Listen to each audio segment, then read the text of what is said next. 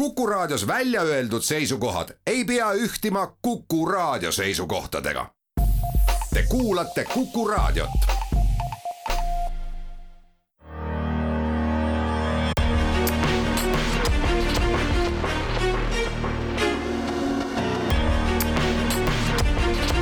välismääraja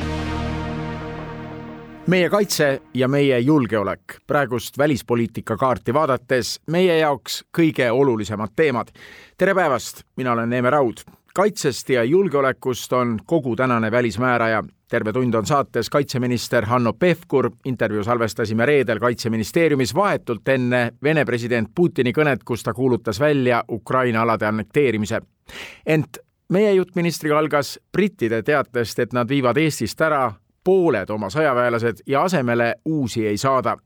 kuidagi kõhedust tekitav uudis ja see tekitas ikkagi küsimuse, kas liitlased on meil kohal või liitlased hakkavad nüüd lahkuma? no alustame sellest, et liitlased on ja jäävad, nad ei lähe siit mitte kusagile,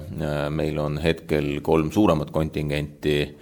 kelleks on siis äh, britid, meie raamriik, äh, samamoodi taanlased ja prantslased, aga väiksemate üksustena loomulikult, kui me räägime õhuturbest, siis on sakslased siin, meil käivad väga tihti ja on ka praegu Ameerika Ühendriikide teatud üksused, nii et selles mõttes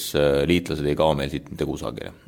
Ja kui me räägime ka põhikokkulepetest, mis on liitlastega sõlmitud, siis eelkõige ma räägin EFP-st ehk siis Enhanced Forward Presence'ist, et see kontingent on täpselt selline ka pärast detsembrit äh, nagu kokku lepitud. Arvuliselt ka siis täpselt samasugune? arvuliselt ka täpselt samasugune, see, mis puudutab nüüd seda nii-öelda ühekordset ja kiiret äh, reageeringut äh, kevadel ehk siis see oli algusest peale teada, et see on ajutine mm, lisakontingent, mis on väiksem kui meie põhikontingent brittide poole peal. selgitame siis, see on siis Briti kontingent, mis tuli lisaks Eestisse pärast seda, kui sõda Ukrainas algas. nüüd see kontingent võib lahkuda, kas see otsus on nüüd Londonis langetatud, et need seitsesada sõdurit ei jää Eestisse? meile on indikeeritud, et jah, äh, tuleme veel alguse juurde tagasi, kevadel öeldi, et nad tulevad siia kiiresti mõneks kuuks, et vaadata, mis juhtub. suvel lepiti kokku kahepoolselt, et pikendada pikendatakse, ehk britid on nõus jääma veel kuni aasta lõpuni. ja praegu meil ei ole nii-öelda lõplikku paberit selle kohta, et nad lahkuvad, küll jah, meile on indikeeritud ja seda ei pea nagu kuidagi pelgama, et meile on indikeeritud, et suure tõenäosusega nad enam ei pikenda. no seal on palju erinevaid põhjuseid, eelkõige brittide enda poolsed, mis puudutab nende enda siis üksuste olemasolu Suurbritannias, samamoodi see, et nad on võtnud väga suure kohustuse Ukraina ees, õpetada välja Ukraina sõdureid, et noh, selleks on kõike nagu nendel endal kontingenti vaja aga meie jaoks äh, kõige olulisem selle brittide loo juures on tegelikult ikkagi pikk plaan. ja see pikk plaan, mis me oleme brittidega ja, ja NATO-s tervikuna kokku leppinud, koosneb kolmest suurest komponendist. esimene komponent on see, et, et britid allokeerivad Eestisse brigaadi, terve brigaadi, praegu me räägime siis ühe lahinggrupi nii-öelda siis välja roteerumisest. aga terve brigaadi allokeerimine Eestisse tähendab seda, et siia Eestisse tekib äh, selgelt brigaadi peakorter koos äh, Briti kindraliga, äh, räägitakse kahes, kahe tärni kindralist, samamoodi siis see, et, et lepitakse kokku need konkreetsed brigaadi osad, kes Eestisse peavad tulema, sest et vaadake, igas brigaadis on ju äh, erinevad võimalused. teisisõnu, me peame kokku leppima brittidega, et mis on meie kahe enda brigaadi, esimese jalaväebrigaadi ja teise jalaväebrigaadi võimekused ja mis on see brittide kolmanda brigaadi võimekus, et saada kokku üks tervikdiviis ja nüüd selle nii-öelda esimese NATO-s võetud kohustuse britid igal juhul täidavad, ehk ehk allokeerivad siia brigaadi. teine osa sellest suurest kokkuleppest on just nimelt seotud selle diviisiga, ehk meile tekib diviisi struktuur, milles on siis kolm brigaadi oma võimetega, eelpaigutusega ja nii edasi, ja diviisi staap, mida hakkab juhtima Eesti, kuhu siis liitlased tulevad juurde. Ja kolmas osa sellest suurest kokkuleppest on see, mis, on vaata et kõige olulisem, on see, et NATO-s äh, järgmisel äh, tippsummitil Vilniuses, järgmise aasta suve alguses kinnitatakse ära uued regionaalsed kaitseplaanid. ja see regionaalne kaitseplaan tähendab seda, et, et see on ka muuhulgas siis Eestile spetsiaalselt mõeldud kaitseplaan, kus on siis juba paigas see, et, et mida needsamad kolm brigaadi diviisi struktuuris teevad, kus nad asuvad NATO juhtimisstruktuuris. Ja see on meie jaoks nagu kõige olulisem, ehk need kolm komponenti on meie pikk plaan ja need kolm komponenti annavad meile siis ka kevadeks ja noh, võib-olla siis suve alguseks kinnituse, kui palju meil täpselt siin liitlasi on kui palju meil on siin eelpaigutatud vägesid, moona ja kõike muud, mis sõjapidamiseks või Eesti kaitsmiseks, olgem täpsed,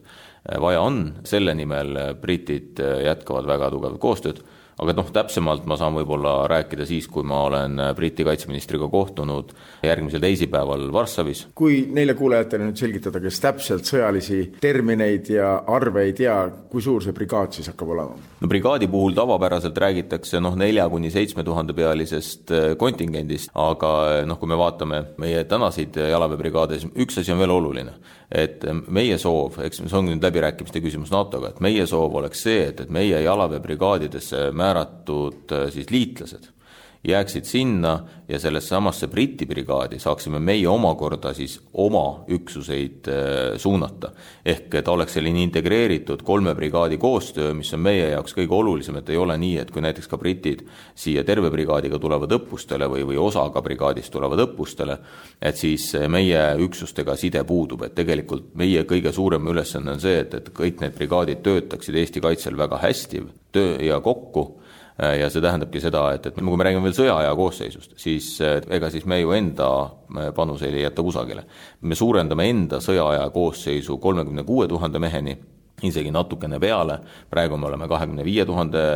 mehelise sõjaaja koosseisu juures ja kui me paneme siia nüüd needsamad Briti ja, ja, ja teised liitlaste üksused, et noh, tegelikult me liigume sinna sõjaaja koosseisuga kuskil neljakümne viie tuhande pluss võitleja juurde ja, ja noh, kui me vaatame Eesti rindejoont võimalikku või Eesti kaitsmiseks vajalikku inimhulka, et, et siis see võiks olla tegelikult see, mis tagab ka Eesti rahva ja riigi kaitse. aga ikkagi tekitab kuidagi kõhedust, kui kuuleme, et midagi viiakse meilt ära, me oleme kuulnud pärast Ukraina sõja algust pidevalt sellest, et meie kaitseks tuuakse juurde, tugevdatakse, et meie kaitse muutub paremaks ja siis korraga, et britid otsustavad lahkuda kuigi me teame, et väed niikuinii roteeruvad ja kaitsekomponendid nii brittide juures, prantslaste juures kui ka taanlaste juures jäävad ju lahingvalmidusse, et kui vaja on, tulevad nad kiiresti siia appi ja need plaanid on nüüd väga kiirendatud ju pärast NATO viimast tippkohtumist Madridis. Ma kuulsin ka sellist arvamust, et britid tegid lihtsalt kommunikatsioonivea, et see info jõudis meediasse, et need on sõjaväe siseasjad, et umbes samamoodi nagu räägiti Ukraina sõja alguse järel, et Poola ei anna Ukrainale konkreetset abi, mida Ukraina vajab, et ka see oli NATO sisese asja meediasse jõudmine ja see tekitas rahvas segadust, kahtlust, hirme. no eks ta alati nii on, et kui ajakirjanik mõne detaili kätte saab, siis see võib tunduda nagu esmapilgul väga selline ärevaks tegev, ütleme vägede liikumise puhul samamoodi, noh et meil ei tekita meedias ju mingisugust võbinat see, et näiteks kui äh, siin mõni nädal tagasi terve brittide üks kontingent oligi Eestist ära füüsiliselt, sellepärast et nad olid Soomes õppusel. aga füüsiliselt Eesti pinnal neid sellel hetkel ei olnud. samamoodi meie enda üksused on käinud Lätis, äh, Läti keskpolügoonil Adažis õppimas, eks ju, et, et noh, selles mõttes selline vägede liikumine on üsna normaalne. mida tuleb aru saada, on see, et, et ka NATO idatiiva kaitsel see on nagu üks Balti mull tervikuna ikkagi sõjaliselt ei saa vaadata sellist noh, piltlikult öeldes kitsast riba eh, Narva-Jõesuust eh, Vasknarvani, et, et me võtame ainult siis Narva jõe piirkonna ja et ütleme, et sõjaliselt see on kuidagi eh, nüüd eraldi kaitstud, ei, et me vaatame ikkagi tervet,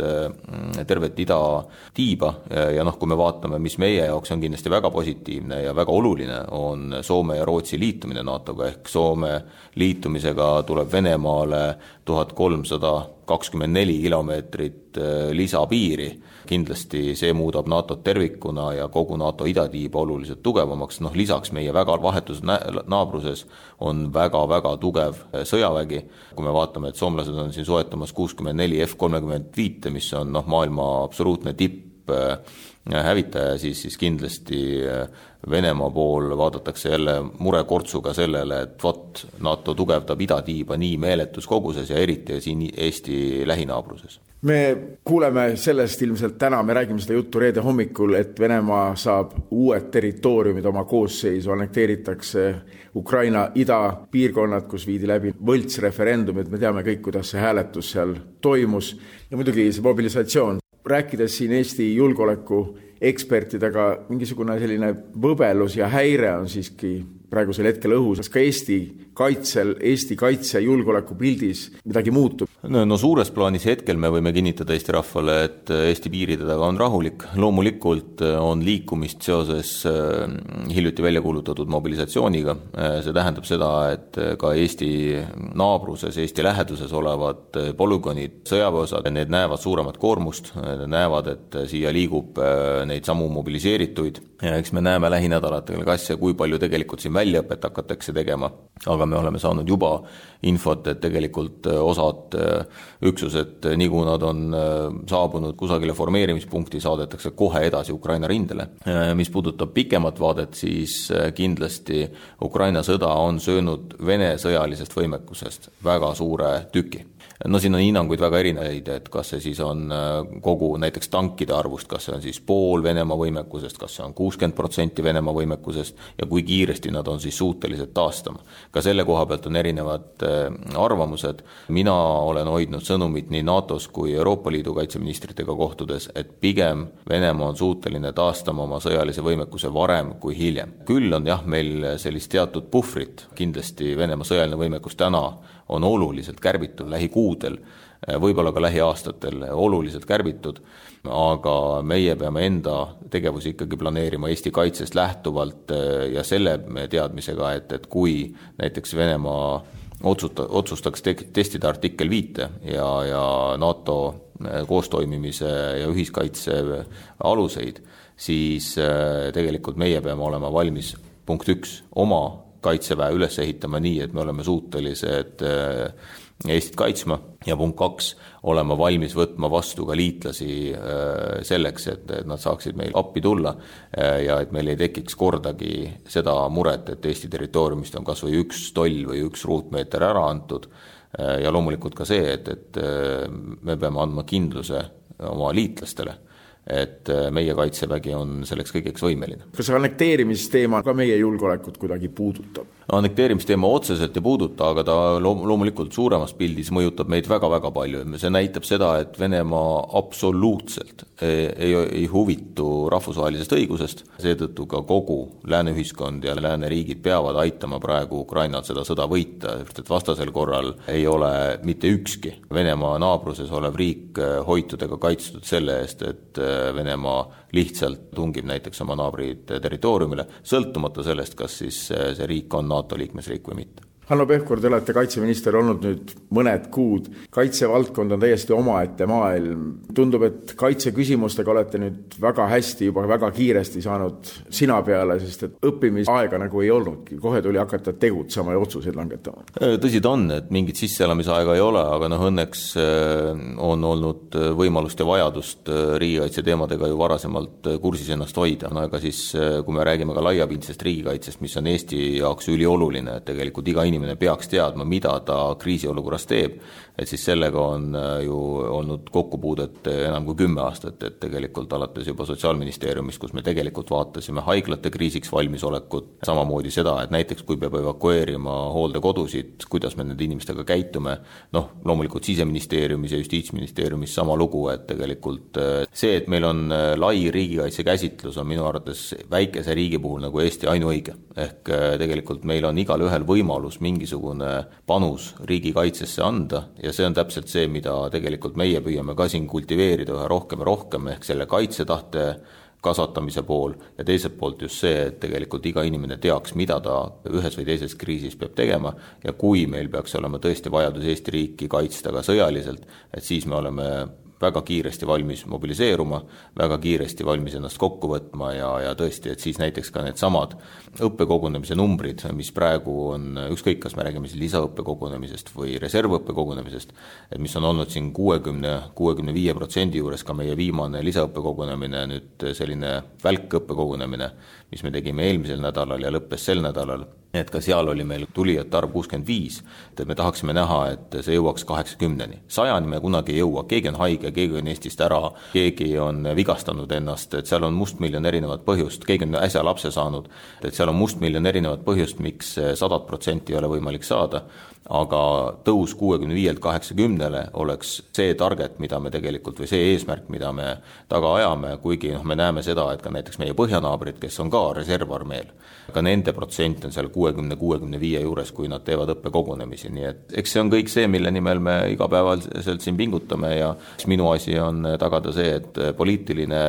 juhtkond nii Kaitseministeeriumis kui Vabariigi Valitsuses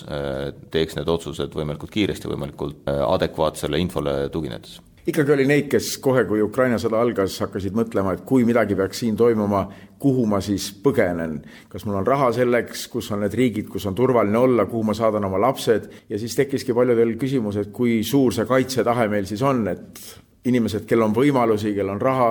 ikkagi kaalusid seda, et mitte armeesse, vaid kuskile ära no alati kindlasti neid on, kes esimeses järjekorras mõtlevad selle peale, kuidas ära minna, noh seda ju väga ilmekalt me näeme praegu ka Venemaal, aga noh, me ei taha kuidagi ennast Venemaaga võrrelda. küll me teame seda ka Teise maailmasõja praktikast, et on inimesi, kes liiguvad ära, aga sellepärast me siin igapäevaselt ka pingutame juba alates maast madalast, et ka näiteks riigikaitseõpetusega. et kui me tahaksime näha, et riigikaitseõpetus oleks kõikides koolides, riigikaitseõpetus oleks selline esimene isamaaline kasvatus selleks, et äh, aru saada, miks me Eesti riiki hoiame, meid on, eestlasi on, eks eesti keelt räägivad umbes miljon natukene peale inimest ja see on üsna haruldane, et nii väike rahvas omab oma riiki, omab oma kultuuri, oma keelt, meil kõigil on võimalus seda hoida, et kui me lihtsalt ära läheme, et, et siis ei ole kedagi, kes seda riiki ja rahvast hoiab, tegelikult see hakkab pihta ikkagi kõik igalühest kodust. kas riik on midagi sellist, mida kaitsta, mida hoida? Ja päeva lõpuks ega siis eh, kellegi teise jaoks me seda riiki ju ei hoia ega ehita, kui ainult ikka meie enda jaoks. Kaitseminister Hanno Pevkuriga jätkame juttu Välismäärajas mõne hetke pärast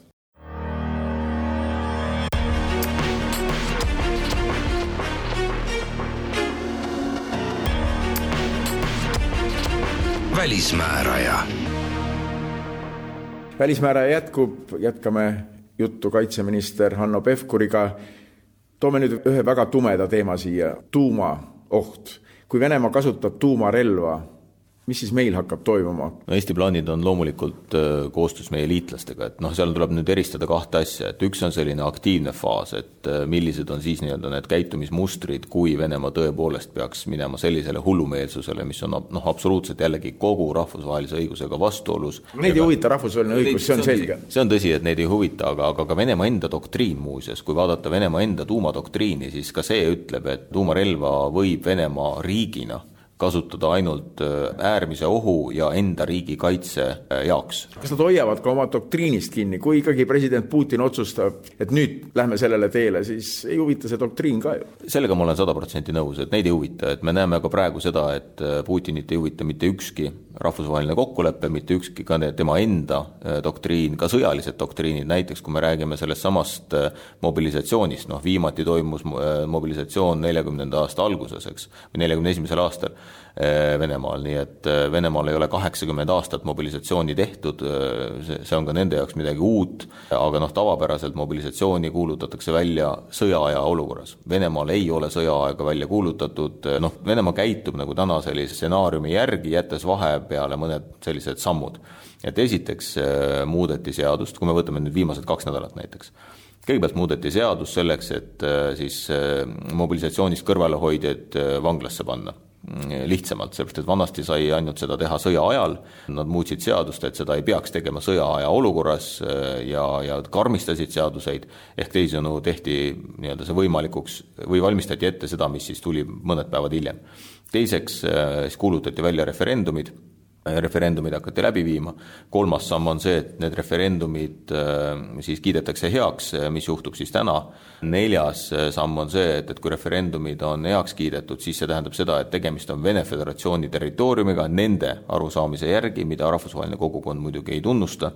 ja kui need territooriumid on nüüd Venemaa enda territooriumid, siis on Putinil võimalus öelda, et kuulge, me kaitseme Vene Föderatsiooni territooriumit, Vene inimesi ja see tekitab talle siis võimaluse nii-öelda kasutada kas siis taktikalist või strateegilist tuumarelva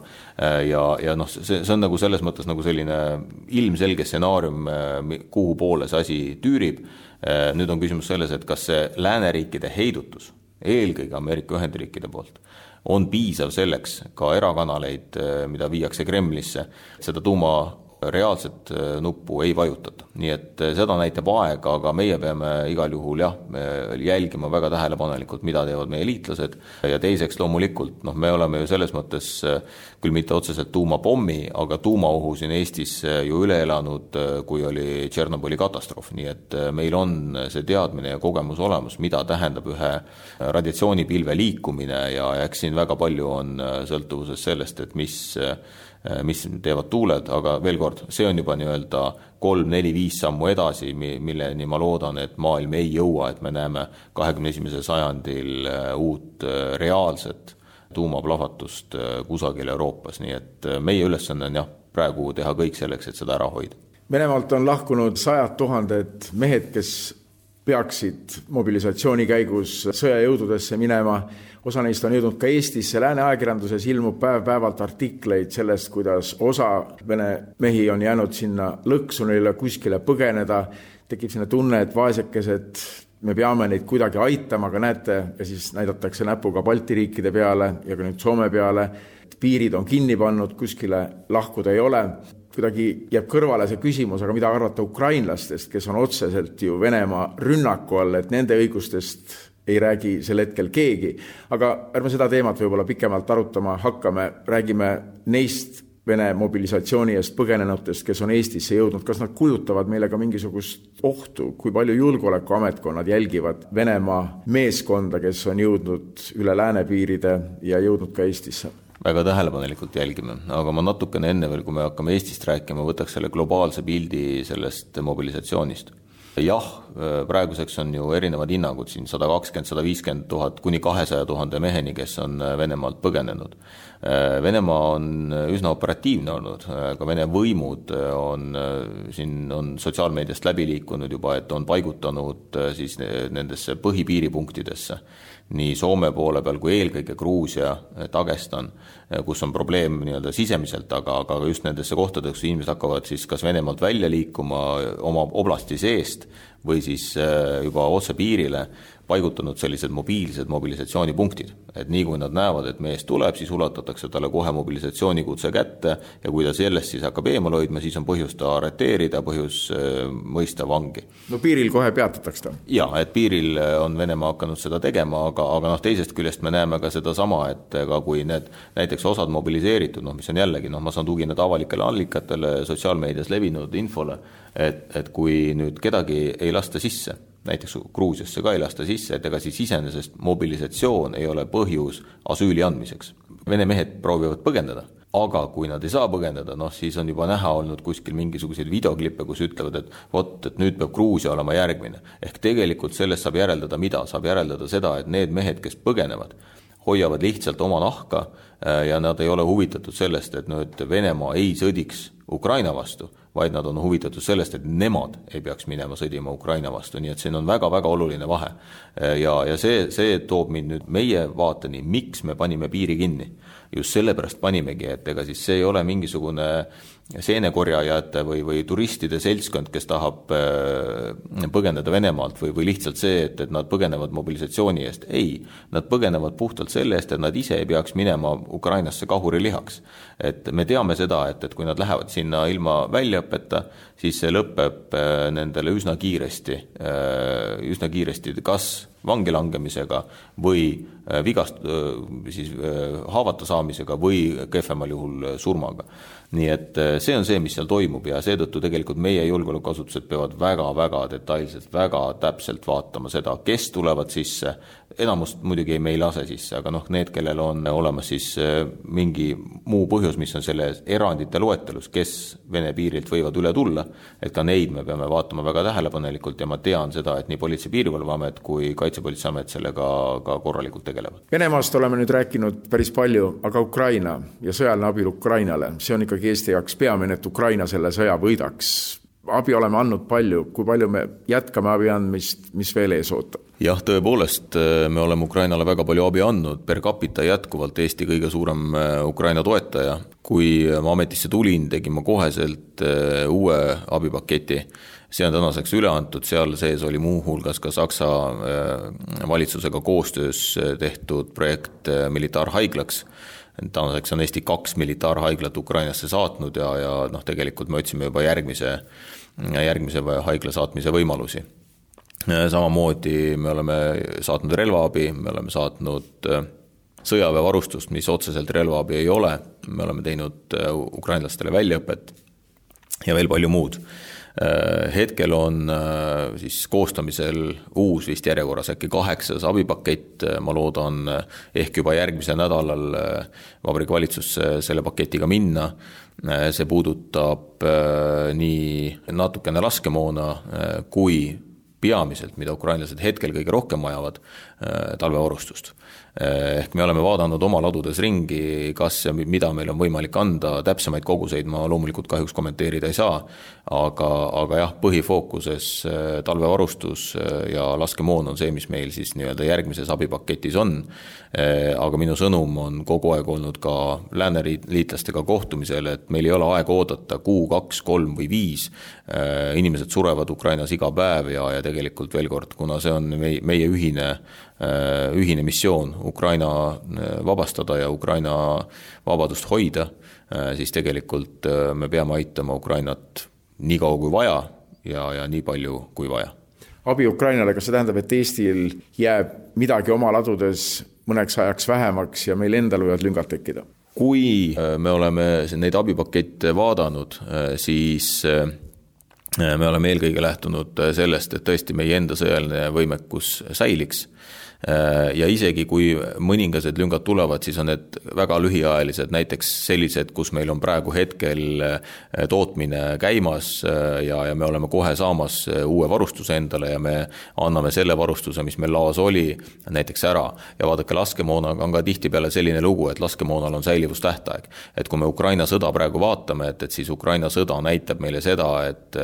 et venelased kasutavad juba nii vana laskemoona, mis õhus plahvatab või väljatulistamisel plahvatab kannatab. Äh, just sellepärast, et seda on A valesti hoitud, B ta on liiga vana.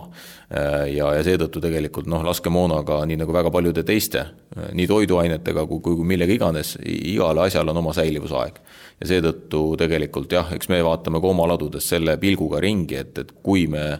midagi anname, siis me saame anda sellist, mis, mis tegelikult ukrainlasi kohe praegu aitab aga meie peame ühel päeval niikuinii kas siis välja vahetama või, või äh, siis leidma sellele mingisuguse uue otstarbe, nii et, äh, et jah, me, me me aitame Ukrainat eelkõige teades, et meie enda kaitsevõime ei tohi äh, halveneda, aga kui me mingisuguse riski võtame, siis me teeme seda teadlikult, sellepärast et ka Vene, noh, ütleme iga meie abi, mis aitab vähendada Venemaa sõjalist võimekust, on tegelikult väga õigesse kohta suunatud abi küsimus, mis paljudel eestlastel sel nädalal meediat lugedes silme ees oli, Eesti ajateenistus pikeneb, miks seda on vaja ja kas see otsus on langetatud? seda otsust ei ole langetatud, need tantsusammud või, või see, see tee äh, selle otsuseni on selline, et kõigepealt on Kaitseväe peastaap äh, ja tema ettepanekud Kaitseministeeriumile, ehk siis eelkõige Kaitseväe juhataja kaitseväe juhataja, kui ta on toonud need ettepanekud Kaitseministeeriumisse, siis me peame need läbi analüüsima, me paneme sinna juurde rahanumbrid, mis see rahaliselt tähendab, sellepärast et kui me midagi otsustame muuta, siis see on ka meie, meie eelarves äh, mingi osa. Kui me oleme selle analüüsiga lõpuni jõudnud, saanud Kaitseministeeriumis arusaamisele, et jah, see on mõistlik plaan, Äh, siis on see koht, kus me viime selle Vabariigi Valitsusse ja siis peab Vabariigi Valitsus langetama poliitilise otsuse. Ja siis, kui on vaja näiteks ka riigikaitseseadust muuta või kaitseväeteenistuse seadust muuta, mis on kaks seadust, mis seda eelkõige käsitlevad, äh, siis äh, on vaja ka parlamendi heakskiitu sellele, nii et need on need sammud, mis on vaja läbida ennem selleks, et see asi jõuaks reaalsusesse. aga, aga... nüüd, kui tulla selle juurde, miks seda vaja teha on, siis noh, hetkel kehtiv seadus lubab niikuinii kuni kaheteistkuulist ajateenistust, meie ajateenistus on peamiselt keskmiselt kaheksa või üksteist kuud, sõltuvalt sellest, millal noored sisse tulevad ajateenistusse. aga peamiselt suured sissevõtmised on meil ju äh, suvel, äh, juulis ja, ja oktoobris ja sellest sõltuvalt ka siis kevadine suurõppus on see, mis nagu need kaks sissevõtmist, aga noh, on ka, on ka veel talvine sissevõtt väikeses mahus mm, mis, mis peab selle, need üksused, kes on siis väljaõppe saanud, peavad siis tõestama, et, et kas nende väljaõpe on olnud piisav ja pädev miks on äh, siis Kaitseväe juhataja arutanud seda võimalust, et ehk oleks mõistlik rääkida ka äh, kaheteistkuulisest või isegi kaheksateistkuulisest äh,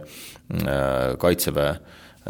olemisest? Seda ei tasuks võtta kui ajateenistuse pikendamist, vaid seda tasuks eelkõige võtta seda, kui meil tekiks selline, ma nimetaks seda siis nii-öelda äh, aktiivseks äh, valmiduses olemiseks või aktiivses, aktiivseks äh, kaitseväes olemise perioodiks. eelkõige mille pärast? esiteks, meie uued relvasüsteemid, HIMARS ranniku- ja kaldakaitse ehk siis laevakaitseraketid, uued meremiinid, uued õhutõrjesüsteemid, nii keskmaa õhutõrje kui lühimaa õhutõrje, mis meil tuleb poolakatega koos, biorunnid, nad on kõik keerukamad relvasüsteemid. Need relvasüsteemid vajavad pikemat väljaõpet. ka seesama näiteks liikursuurtükk K9 ehk siis meie koduses keeles kõu, et ka seesama kõu vajab pikemat ja paremat väljaõpet, mis tähendab seda, et ainuüksi väljaõppele Äh, ja treeningutele kuluv aeg võib olla mõnevõrra pikem. nüüd teine, mis on võib-olla veelgi olulisem selle ettepaneku juures, on see, et, et kui me oleme nüüd mingisuguse üksuse välja õpetanud, noh, kui me võtame näiteks õhutõrje, kui me oleme selle õhutõrjekompanii või õhutõrjepataljoni välja õpetanud, siis see tähendab seda, et, et, et see võimekus peab olema ka meil kogu aeg võtta et noh, et ei saa olla niimoodi, et me õpetame ta välja, poisid teevad üks-kaks lasku ja lähevad kohe reservi ära, vaid tegelikult meil peab olema siis nii-öelda sõjaaja valmisolek või, või, või kaitsevalmidus sellisel tasemel, et igal ajahetkel on meil tõesti äh, ka siis see pataljon panna äh, tegevusse. Need on need põhjused, mis äh, on pannud Kaitseväe juhatajat mõtlema selle peale, et, et tulla ettepanekuga Äh, siis pikendamiseks, aga veel kord, see ei ole klassikalises mõistes ajateenistuse pikendamine, nii et anname natukene aega nüüd Kaitseväe juhatajal see ära formaliseerida ja siis äh, kindlasti ma arvan, äh, et enne valimisi sellega ei jõuta parlamenti, aga, aga pärast valimisi ja, ja ma tahaks ka väga näha, et kõik erakonnad saavad öelda oma arvamuse välja selle kohta, et mida nad sellest arvavad. aga noh, selleks peaksid erakonnad saama siis tutvuda ka Kaitseväe juhataja sellise detailse ettepanekuga, et äh, jumet sellel asjal on ja, ja noh, üks asi, mis me oleme kokku leppinud, et kui me tahame midagi muuta, kas kaitseväeteenistuses, Eesti riiki kaitses, siis me peame lähtuma Kaitseväe juhataja sõjalisest nõuandest.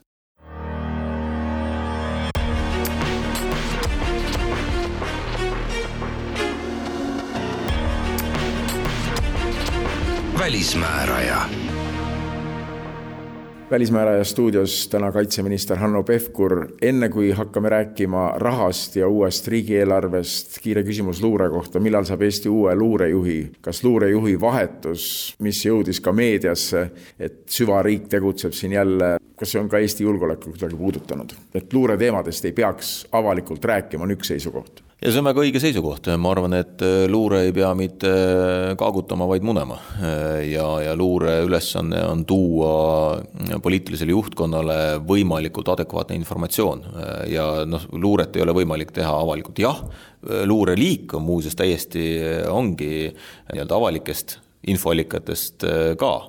koguda infot. Ja see on täiesti nii-öelda täiesti adekvaatne luureliik aga äh, üldiselt ikkagi luure toimetab ja, ja teeb oma analüüse kinniste uste taga. ja sellest tuleb ka lähtuda, mis puudutab luurejuhi valikut, ehk siis Välisluureametile uue peadirektori valimist,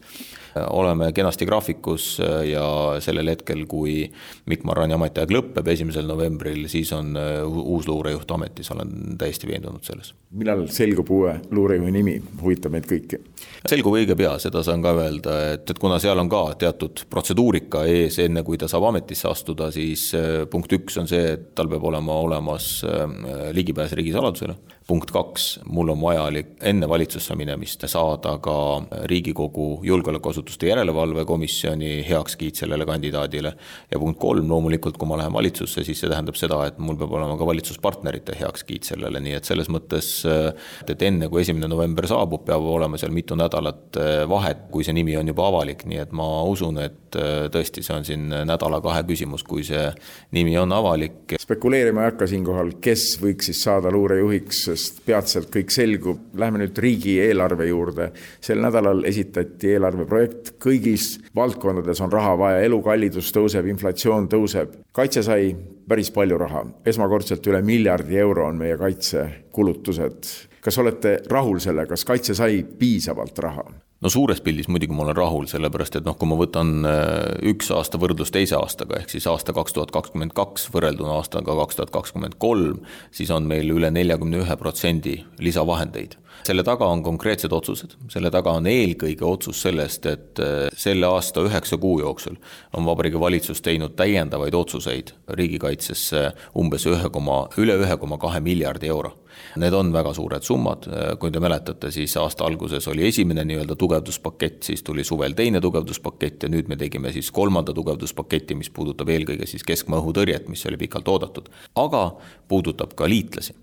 ja liitlaste kohalolekut siin, nii et need on meie jaoks üliolulised teemad, minul oli kaks prioriteeti nendes eelarve läbirääkimistes, see oli keskmaa õhutõrje saamine Eestisse ja teiseks, et meil oleks võimalik liitlaste tarit, taristut parandada, et meil oleks võimalik siin liitlasi vastu võtta. Mõlemad eesmärgid said saavutatud. kui vaadata suuri selliseid eelarveridasid, siis loomulikult väga suur osa läheb investeeringuteks, mis praegusel ajal on mõistetav, eelkõige moona soetamine, needsamad lühimaa õhutõrjesüsteemid, Biorun samamoodi, me juba alustame keskmaa õhutõrje äh, kuludega, just et me saame nüüd lähinädalatel kohe juba esimesed pakkumised, püüame minna siis läbirääkimistesse, et juba minna siis järgmise aasta alguses kohe lepingusse, et meil tõesti oleks kahe aasta pärast keskmaa õhutõrje olemas, aga loomulikult me peame ka vaatama seda, et, et meie kaitseväe tegevväelastel oleks äh, viisakas ja väärikas palk, sissetulek, kõik need elutingimused, mis neil on, et, et need ei paneks kedagi mõtlema, et ta tegevteenistusest tahaks lahkuda. seda tuleb nagu äh, arvestada, et, äh, et kaitsmine ei ole odav, aga mul on siin kõikidele üks väga lihtne sõnum. vabadusel ei ole hinda ma eile rääkisin just Estonia teatri inimestega, kes ütlesid, et kõrgkultuur ei ole ka odav, nad said küll raha juurde, aga mitte piisavalt. kaitsmine, see on hoopis teine valdkond, ilma selleta ei oleks meie riiki, kui meile sõda kuulutatakse, meil kaitset ei oleks. kas kaitsevaldkond on praegu kriitikaväline praktiliselt, et see, mida küsite, seda ka saate? kriitika peab alati olema, mina olen sügavalt seda meelt, et ka kaitsevaldkonnas me ei tohi teha ühtegi kulutust ilma selleta, et me ennem enda käest ei küsiks, kas meil on seda vaja ja miks meil on seda vaja. ja seetõttu kõik need investeeringud, mis me teeme ja mis me oleme teinud meie ka uutesse võimetesse, kui ma räägin siin äh, merekaitsest, kui ma räägin laevakaitsest, kui ma räägin äh, õhutõrjest, kui me räägime kaudtulevõimest, siis need on täpselt need võimed, mis, mis on meile õppetunni andnud äh, Ukraina sõda ja, ja minul on väga hea meel, et Kaitseministeerium koos Kaitseväe peastaabiga on olnud piisavalt ja nutikas ja, ja meil on olnud piisavalt tarkust võtta juba praegu Ukraina sõja õppetunnid ja, ja ümber tõsta nad Eesti oludesse. Näiteks mis? eelkõige kaudtuli, eelkõige kaudtuli, et noh, et kui me praegu vaatame meie nii-öelda järgmist võimearendust või järgmist vajadust, mida me peame suurendama, me oleme ju oluliselt suurendanud liikursuurtükkide arvu, meil saab mõlemas brigaadis olema kaheksateist liikursuurtükki, mis on üsna tugev tulejõud. Aga me juba praegu näeme seda, et, et me peame soetama ka ratastel suurtükivõimekuse ehk ratastel haubitsad, mis, mida on mobiil, mis on mobiilsed, kiiresti liigutatavad ja, ja see on see võime, mida meil hetkel nii-öelda hankeplaanis ei ole, aga mille me peame sisse kohe praegu planeerima, tulenevalt Ukraina sõja õppetundidest. sellepärast, et noh, me, meie algne teadmine kindlasti oli selline, et Venemaa sõjapidamine on juba natukene teistsugune aga tegelikkus elu näitab, et äh, ollakse ikkagi teise maailmasõja taktikas, et kaudtulega lastakse maa mustaks ja siis tuleb maavägi järgi. Äh, nii et seetõttu tegelikult meie, meie õppimine on olnud kiire aga me peame jätkama seda õppetundi, noh ja muuseas, me oleme olnud ka osades asjades ees, kui me vaatame praegu siis selliseid varitsevaid ründedroone, mida Iraan on tarninud Venemaale, mis on ukrainlastele viimastel nädalatel üsna palju peavalu teinud, siis Eesti hankeplaanis on need juba mõnda aega sees olnud, ehk need varitsevad ründedroonid või siis inglisekeelse nimetusega loitering, need äh, soetused on meil juba plaanis enne, kui me tegelikult nägime, mis Ukraina Ukrainas äh, juhtuma hakkab. raha on siiski suhteliselt konstantne üksus, raha kas on või ei ole, loomulikult saab raha juurde trükkida, raha saab laenata, praegu räägitaksegi sellest, et kaitse on niivõrd oluline valdkond, et kui vaja, siis peabki Eesti võtma suuri laene, et oma kaitsejõude tugevdada, kui nüüd astuda ministri, kaitseministri positsioonilt samm tagasi ja mõelda nüüd riigimehelikult, kas on see õigustatud, et Eesti võtaks laene, et kaitset tugevdada? Eesti on võtnud laenu ja kindlasti võtab ka tulevikus laenu, selles ei ole kahtlust. vaadake, ega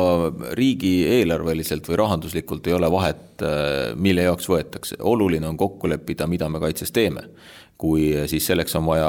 võtta laenu, siis Rahandusministeerium peab tagama selle, et, et see laen võetakse, sinna sildi külge panemine, et see on riigikaitselaen, meid kuidagi rikkamaks või paremaks ei tee Äh, päeva lõpuks ei ole ju vahet, me võime ka öelda seda, et, et me äh, katame riigieelarve tuludest kõik riigikaitsevajadused ja ütleme, et me võtame näiteks sotsiaalkulutusteks laenu, et, et noh, see, see ei ole nagu selles mõttes äh, adekvaatne debatt. adekvaatne debatt oleks see, kui me räägime sellest, mida on riigikaitses vaja. ja see, mida on vaja, siis me vaatame seda, kus on meil selleks raha ma siiski kutsun üles just nimelt riigimehena seda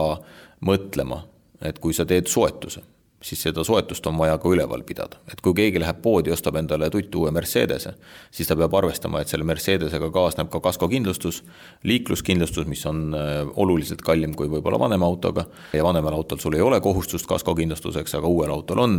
Mm, see tähendab seda, et, et iga rehv, mis sa sinna alla paned, on kallim kui võib-olla vanal autol ja väiksemal autol, et need on need põhjused, miks ma kogu aeg räägin elutsükli kulust. et kui sa ostad mingisuguse relvasüsteemi,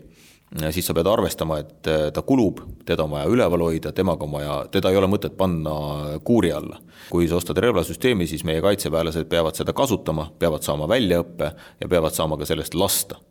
äh, meil ei ole mõtet osta haubitsaid, mis seisavad äh, laos, meil ei ole mõtet osta õhutõrjet, mis seisab laos me peame sellega harjutama, sellepärast et kui ühel päeval on vajadus seda kasutada, siis ei ole aega hakata õppima. Nii et äh, seetõttu, äh, mis liigub, see kulub ja elutsükli kulu on äh, ülioluline vaadata, nii et ainult investeeringuotsused, et teeme otsuse, et ostame, ma ei tea, viiskümmend uut haubitsat, eks, et sellest on nagu vähe, vähe mm, kasu. tuleb ikkagi vaadata elutsükli kulu ja seetõttu tegelikult planeerida see elutsükli kulusse sisse. kui me praegu kaitsele suuri kulutusi teeme, siis ikkagi on valikud, mis tuleb langetada. Midagi jääb ka ostmata, midagi jääb ka soetamata, midagi lükatakse edasi. mida siis praegu on edasi lükatud? hetkel ei ole edasi lükatud midagi, et tõepoolest, kuna see Ukraina sõda on muutnud ka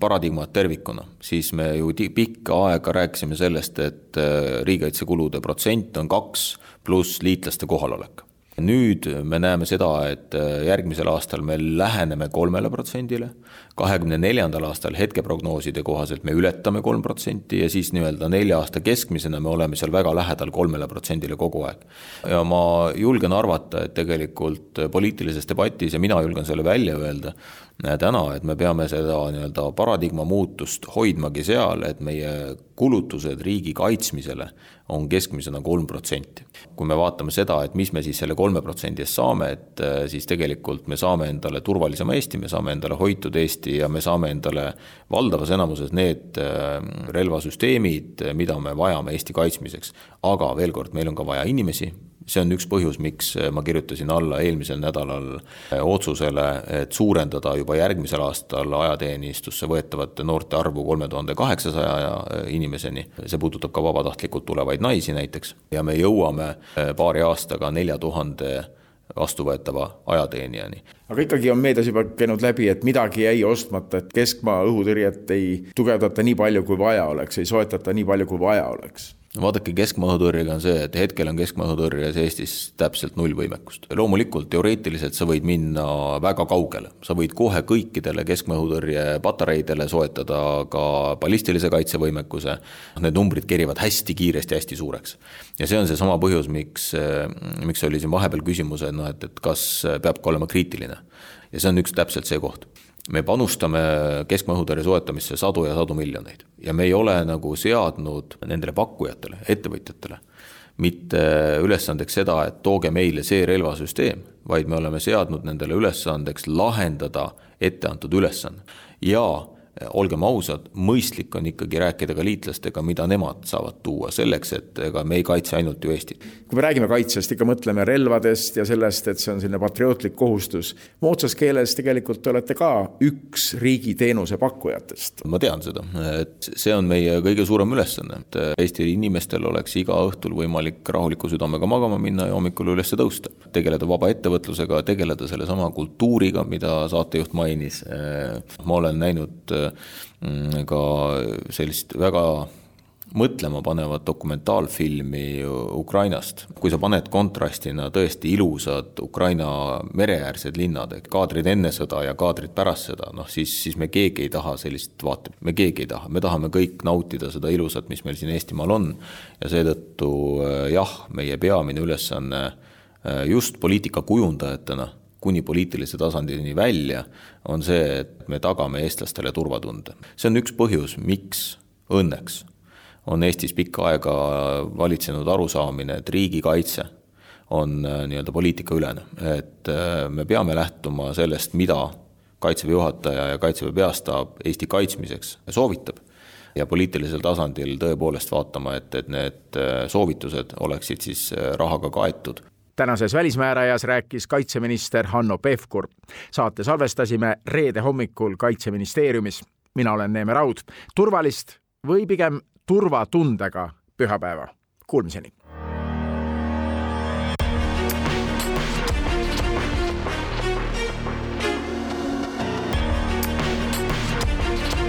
välismääraja